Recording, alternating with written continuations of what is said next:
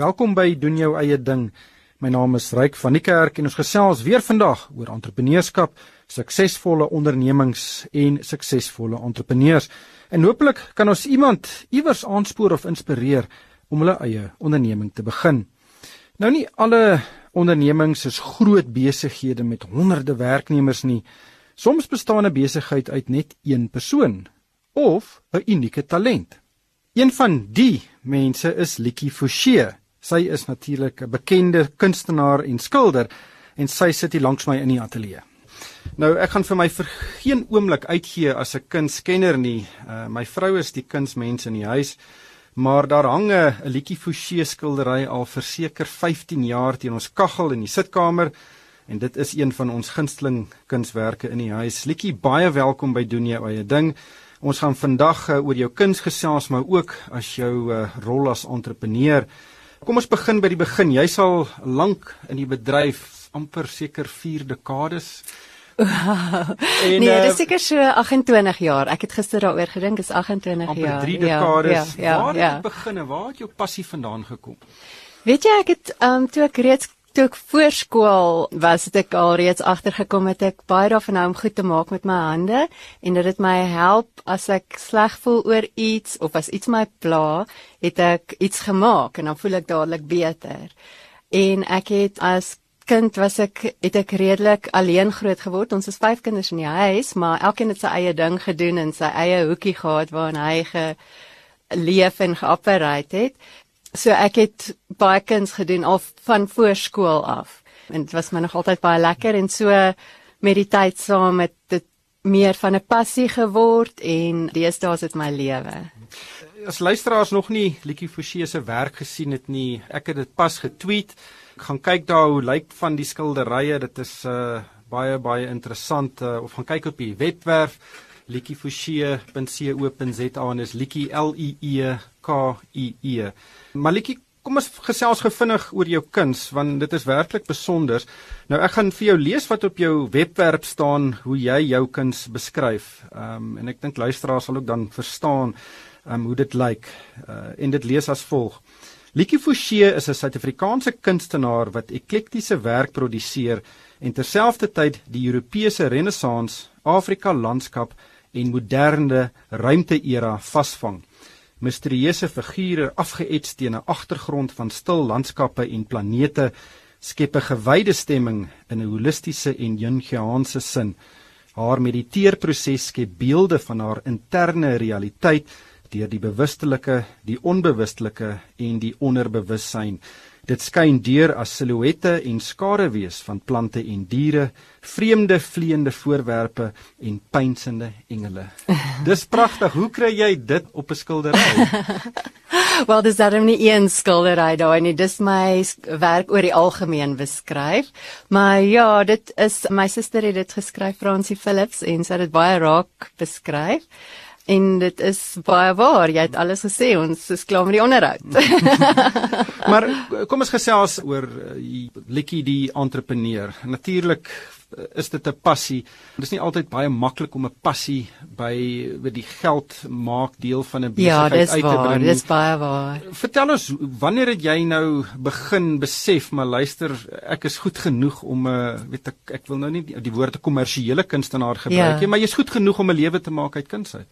Wel, ek het nie 'n keuse gehad nie. Ek moes 'n lewe maak uit kuns uit. Um ek het 'n klein babatjie in die huis gehad en ek wou graag van die huis af werk. Ek wou hom nie in 'n in 'n crash of iets sit van geboorte af nie en ek moes geld inbring en die maklikste manier aangesien ek kuns geswat het was vir my om my kunste maak van die huis af en ek het eintlik my eie tegniek geskep sodat ek met 'n babietjie kan werk terwyl ek besig is om my kuns te doen.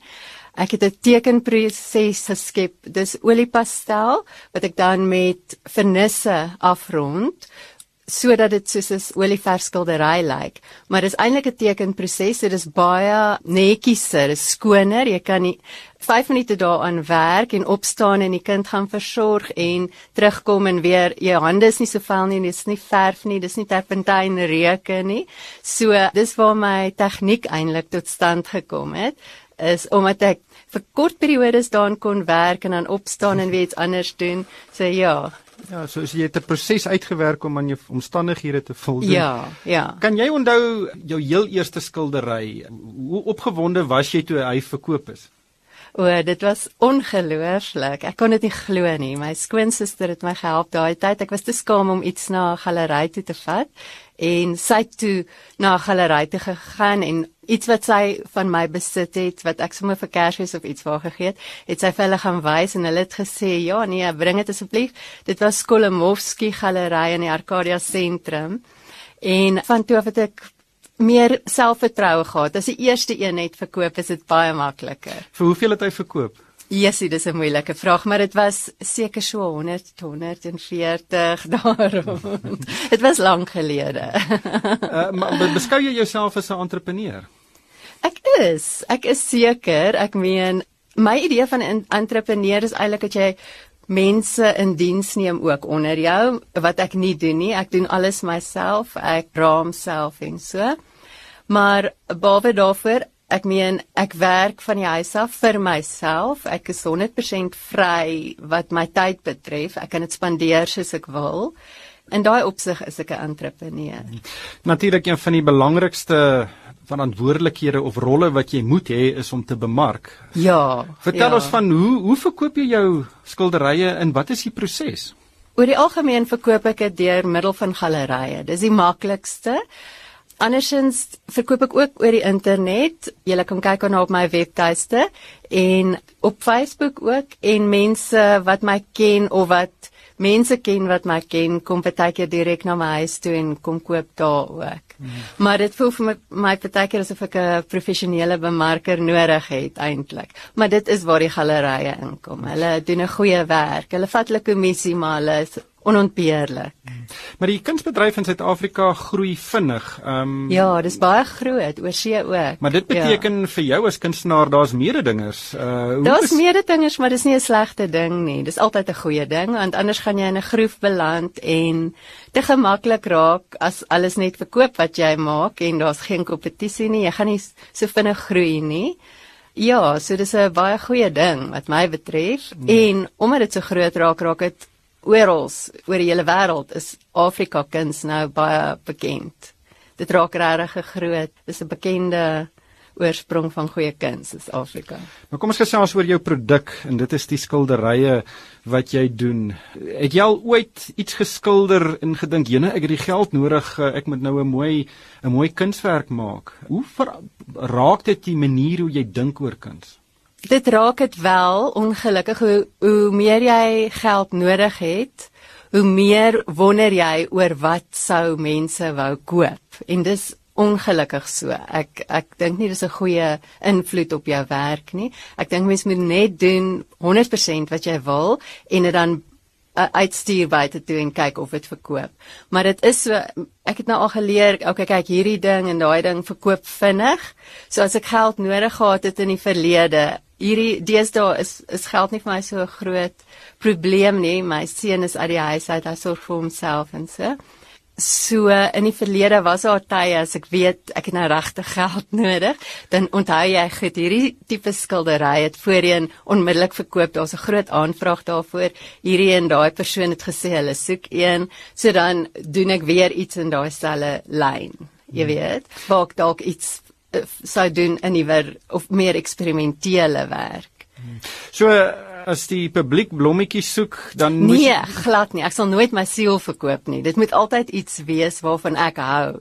Ek sal nooit iets verkoop wat ek nie persoonlik in my huis sal hang nie, maar soos ek sê, ek het myself al herhaal. Uh nie presies nie, mense kan nooit presies dieselfde ding doen nie, maar in dieselfde lyn waar ek eintlik gevoel het ek wou iets anders ek sou iets anders doen as ek nie die geld so nodig gehad het nie. Nee, ek sal nooit kosmos gaan skilder net omdat ek weet dit pas in hierdie Pretoria huis of in daai huis jy weet dit gaan mooi lyk of daar dis daar's 'n groot aanvraag voor nie. Hoe beplan jy nou skilderye? Ehm um, hoe, hoe lank vat dit om om so kunswerk te te produseer? Deesdae, dit vat al langer en langer. die tydperk wat dit my vat om 'n kunswerk te maak, word nie korter nie, soos mense eintlik sou dink. Dit dit word langer. Deesdae maak ek ongeveer 2 skilderye in 'n maand, waar ek voorheen 8 of 9 gemaak het. En dis nie omdat ek oud word nie, dis omdat my werk meer deurdink. Ek dink meer daaroor. Dis uh en ek werk half stadiger want ek is meer ek let meer op die kwaliteit jy weet dit moet vir my ek stel in beter gallerye uit so dit moet 'n beter werk wees hoeveel ure uh, neem so 'n skildery verf jy of skilder jy elke dag Ja, nee, ek skilder elke dag tussen 5 en 8 ure. Of ek sal nie sê elke dag nie. Daar's baie dae wat ek miskien iets anders moet doen, soos iemand het my nodig 'n ouer of 'n kind of wat ook al of 'n vriendin wat skei of so jy weet ek sal nou nie elke dag skilder nie maar ek probeer elke dag skilder of teken eintlik. En ja so 5 tot 8 ure 'n dag is my norm. En dan produseer jy twee kunswerke in 'n maand. Ja ek moet sê dis deesdae baie groot werke meter by 2 meter of so wat vir my groot is En ek vind baie keer dat ek iets teken en dan verander ek dit in die proses want die skilder ek luister na wat die skildery vir my sê.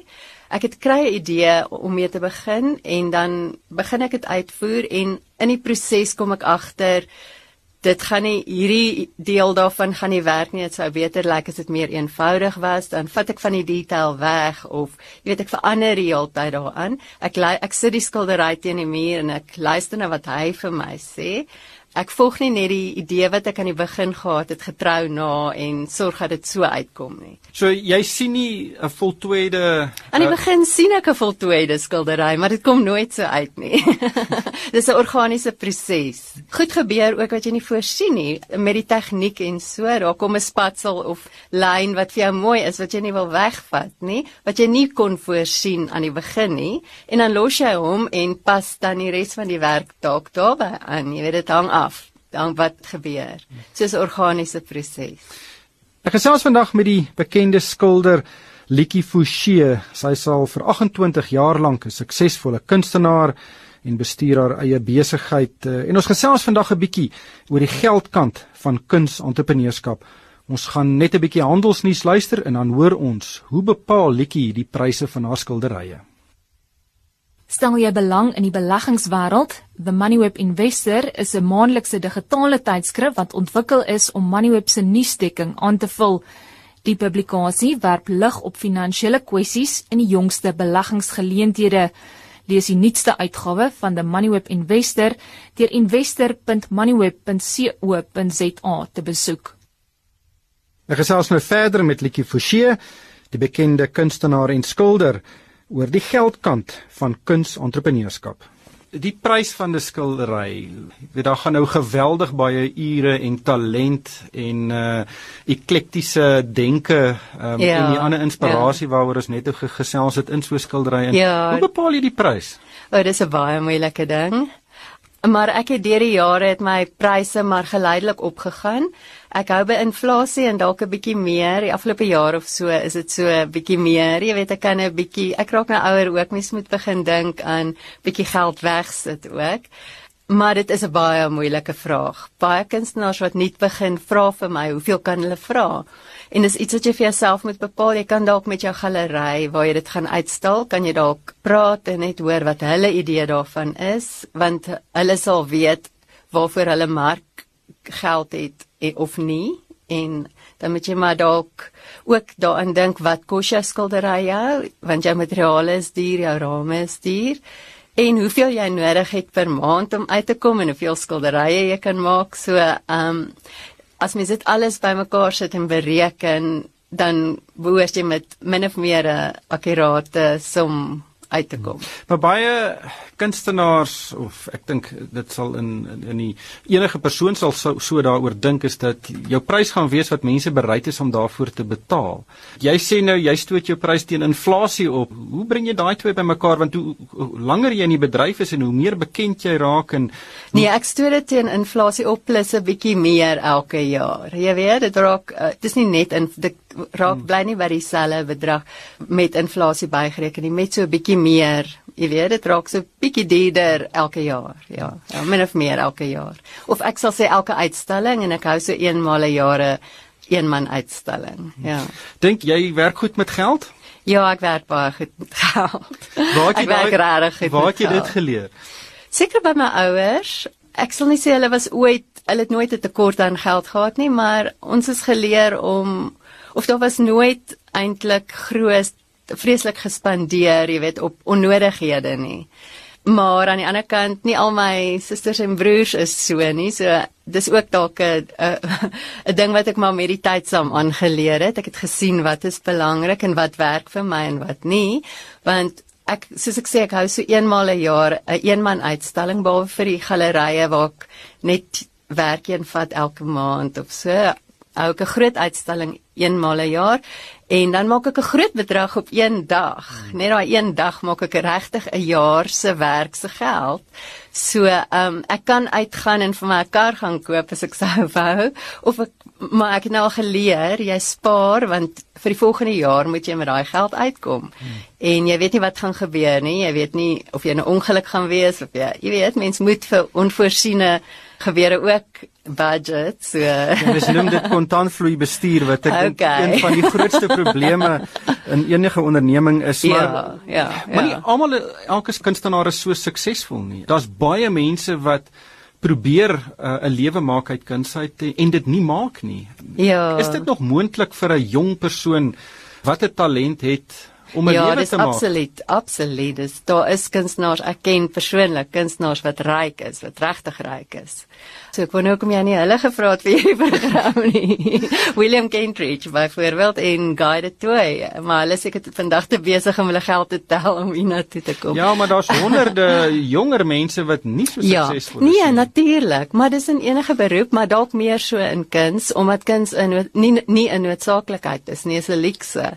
En in tye wat die ekonomie nie so goed is nie, kan jou algemene man op die straat nie regtig 'n skildery bekostig nie. Hulle sal liewer vir hulle kos koop as 'n skildery as dit nou as dit die keuse is. Hmm. So nee, dit is seker moeilik. Dit is seker moeilik, maar daar is beslis kunstenaars wat dit nog groot maak. En daar is hulle kan dalk uitvoer die rand is laag. Jy weet jy kan goeie lewe maak as jy kan jou kuns op so 'n vlak kan kry dat jy kan uitvoer. Ja, maar Waaraan ek nog steeds sukkel om te doen. Ek ek verkoop oor die algemeen in Suid-Afrika.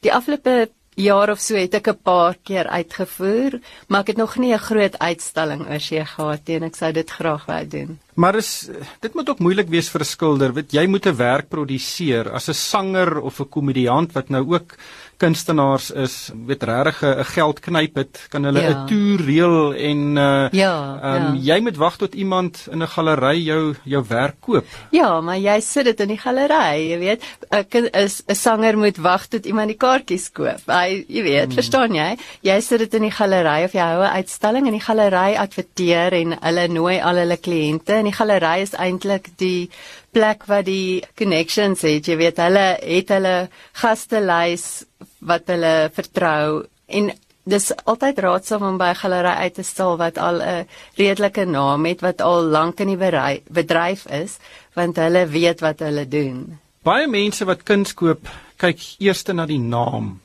voordat hulle na die prentjie kyk. Ja. Ek wil dit nou nie eh, weet dit, dit is 'n en en sien as hulle dit koop vir 'n belegging Ja, eerder ja, die naam ja. as die as die kunswerk self. Ja. En dit beteken soos jy die name wat jy vroeër genoem het, mense word baie suksesvol want hulle word gewild. Ja. En dit is 'n moeilike 'n neet om te kraak. Ja, ja, nee, dit is 'n moeilike neet, veral as jy net in die bedryf inkom, maar ek dink daar is mense wat dit so benader, maar daar's baie mense wat ook net iets koop omdat hulle dit bo hulle kaggel wil hang. Ja. Nee, verseker. Uh of omdat hulle daarvan hou en dit is vir hulle mooi en dit is die mense eintlik vir wie ek skilderye maak. Hulle hou daarvan om elke dag daarna te kyk. Dis half 'n stil plek waarheen hulle gaan uit die ratreis uit as hulle terugkom van die werk af en hulle is moeg en hulle drink 'n teekie of 'n glasie wyn om na 'n skildery te kyk en jy's in 'n ander wêreld. maar baie kunstenaars se werke word baie vinnig baie duurder as hulle tot sterwe kom. Ek neem aan dit is 'n 'n gesprek wat kunstenaars gereeld oor 'n glas glasie rooiwyn bespreek. Nee, ons bespreek dit ons dink nie eers eintlik soveel oor geld nie eintlik dink ek. Kunstenaars is nie so ingestel op geld nie. Weet jy wat ek agtergekom het deur my lewe is omdat mense gelukkig is met wat jy doen. As kunstenaar is jy regtig ons is so bevoorreg om dit vir 'n lewe te kan doen want jy het soveel vryheid en dit is die lekkerste ding op aarde. So jy kan met baie minder geld oor die weg kom. Mense hoef nie 'n brand te gaan koop in wat klere betref. Jy hoef nie vir 'n brand te gaan of jy hoef nie 'n duur kar te ry om jou gelukkig te maak nie. Mense kom met die minimum oor die weg en jy's in elk geval gelukkig. So hmm. mense het regtig minder geld nodig as jy gelukkig is, voel ek. Hoeveel skilderye het jy al verkoop? Wow, dis moeilik om te sê. So ek is nou 28 jaar aan die gang. Aan die begin was dit omtrent 10 skilderye 'n maand wat ek gemaak het. Nou is dit 2, maar ek sê ek weet nie. Ek sê seker so 80, 100 'n jaar oor die algemeen verkoop ek en is 28 jaar so dis hier by die tussen 2 en 3000. kan jy almal onthou? Nee, nee, ek, ek sal hulle dadelik herken as ek hulle sien. Maar as iemand vir my sê, "O, oh, ek het 'n engel gekoop wat oor 'n veld vlieg en daar karretjie wat onder ry in 'n UFO of wat ook al," sal ek dalk dink o, dis dalk daai een of daai een, maar ek sal nie seker wees nie totdat ek hom sien en dan onthou ek alles. Ek onthou die tyd wat ek hom gemaak het. Dit kom alles terug na my toe. My seun was so oud en ek het hom onder daai omstandighede gemaak en ek onthou alles dadelik, ja. Entrepreneurskap is ook 'n groot fokus op diversifikasie. Nou uh, as mens nou na diversifikasie kyk in 'n kunstenaar se lewe dat daar's verskillende kunsforme. Is jy net 'n skilder of is daar ander goed Ag, ek het al bietjie gedink. Ek het laas jaar vir die Cool Capital projek in Pretoria, ek weet nie of jy al gehoor het van Cool Capital nie. Dis 'n projek wat in Pretoria begin is net om mense bewus te maak van kuns. Dis kunstenaars wat werk op strate uitstal of 'n vriend van my het 'n het 'n bankie gemaak in Kerkstraat in Pretoria 'n sementbankie, maar dit is baie mooi goed wat dan vir die publiek te sien is.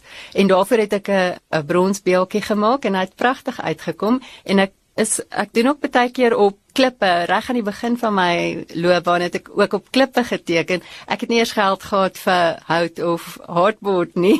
Dan ek klippe uit die veld gehaal en op hulle geteken of ek het iets gesien in die klip, 'n dier of 'n gesig of iets en dit dan met pastel uitgebring en verkoop.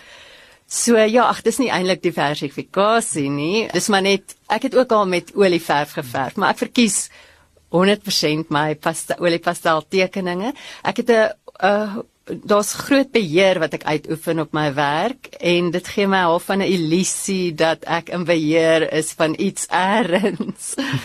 maar ek wil teruggaan na na jong persone, jong kunstenaars wat dit wil kuns wil doen vir 'n lewe. Ja. Het jy ooit die die finansiële aspekte gesien dat dit jou kunswerke beïnvloed, die keuse van van jou temas en en die manier hoe jy dit produseer? Dit het dalk tot 'n mate dit beïnvloed want jy praat tog met jou koper met tye veral met uitstallings en so. Kom mens in kontak met jou koper en hulle beïnvloed jou tot 'n mate. Mens probeer om jou eie ding te doen altyd maar as iemand iets raak sien in 'n skildery wat jy dalk nie raak gesien het nie en hulle noem dit aan jou dan kan en jy dink dit is dit werd dan kan jy dit dalk weer inbring in 'n in 'n volgende skildery. So en as 'n koper sê hy daarvan gehou dan en jy ook daarvan en 'n volgende keer moet jy 'n keuse maak oor watse tipe skildery jy maak dan onthou jy dit tog. So jy word beïnvloed ja. Val baie baie dankie dat jy uh ateljee toe gekom het vandag en jou kunsentrepreneur eienskappe met ons gedeel het en alle sterkte met die toekoms. Nee, baie dankie Ryk. Dit was Likie Forsie. Sy's 'n baie bekende skilder en kunstenaar in Suid-Afrika. Luisteraars is ook welkom om vir my 'n e-pos te stuur. My adres is ryk@moneyweb.co.za. En daarmee moet ek groet van my ryk van die kerk. Dankie vir die saamluister.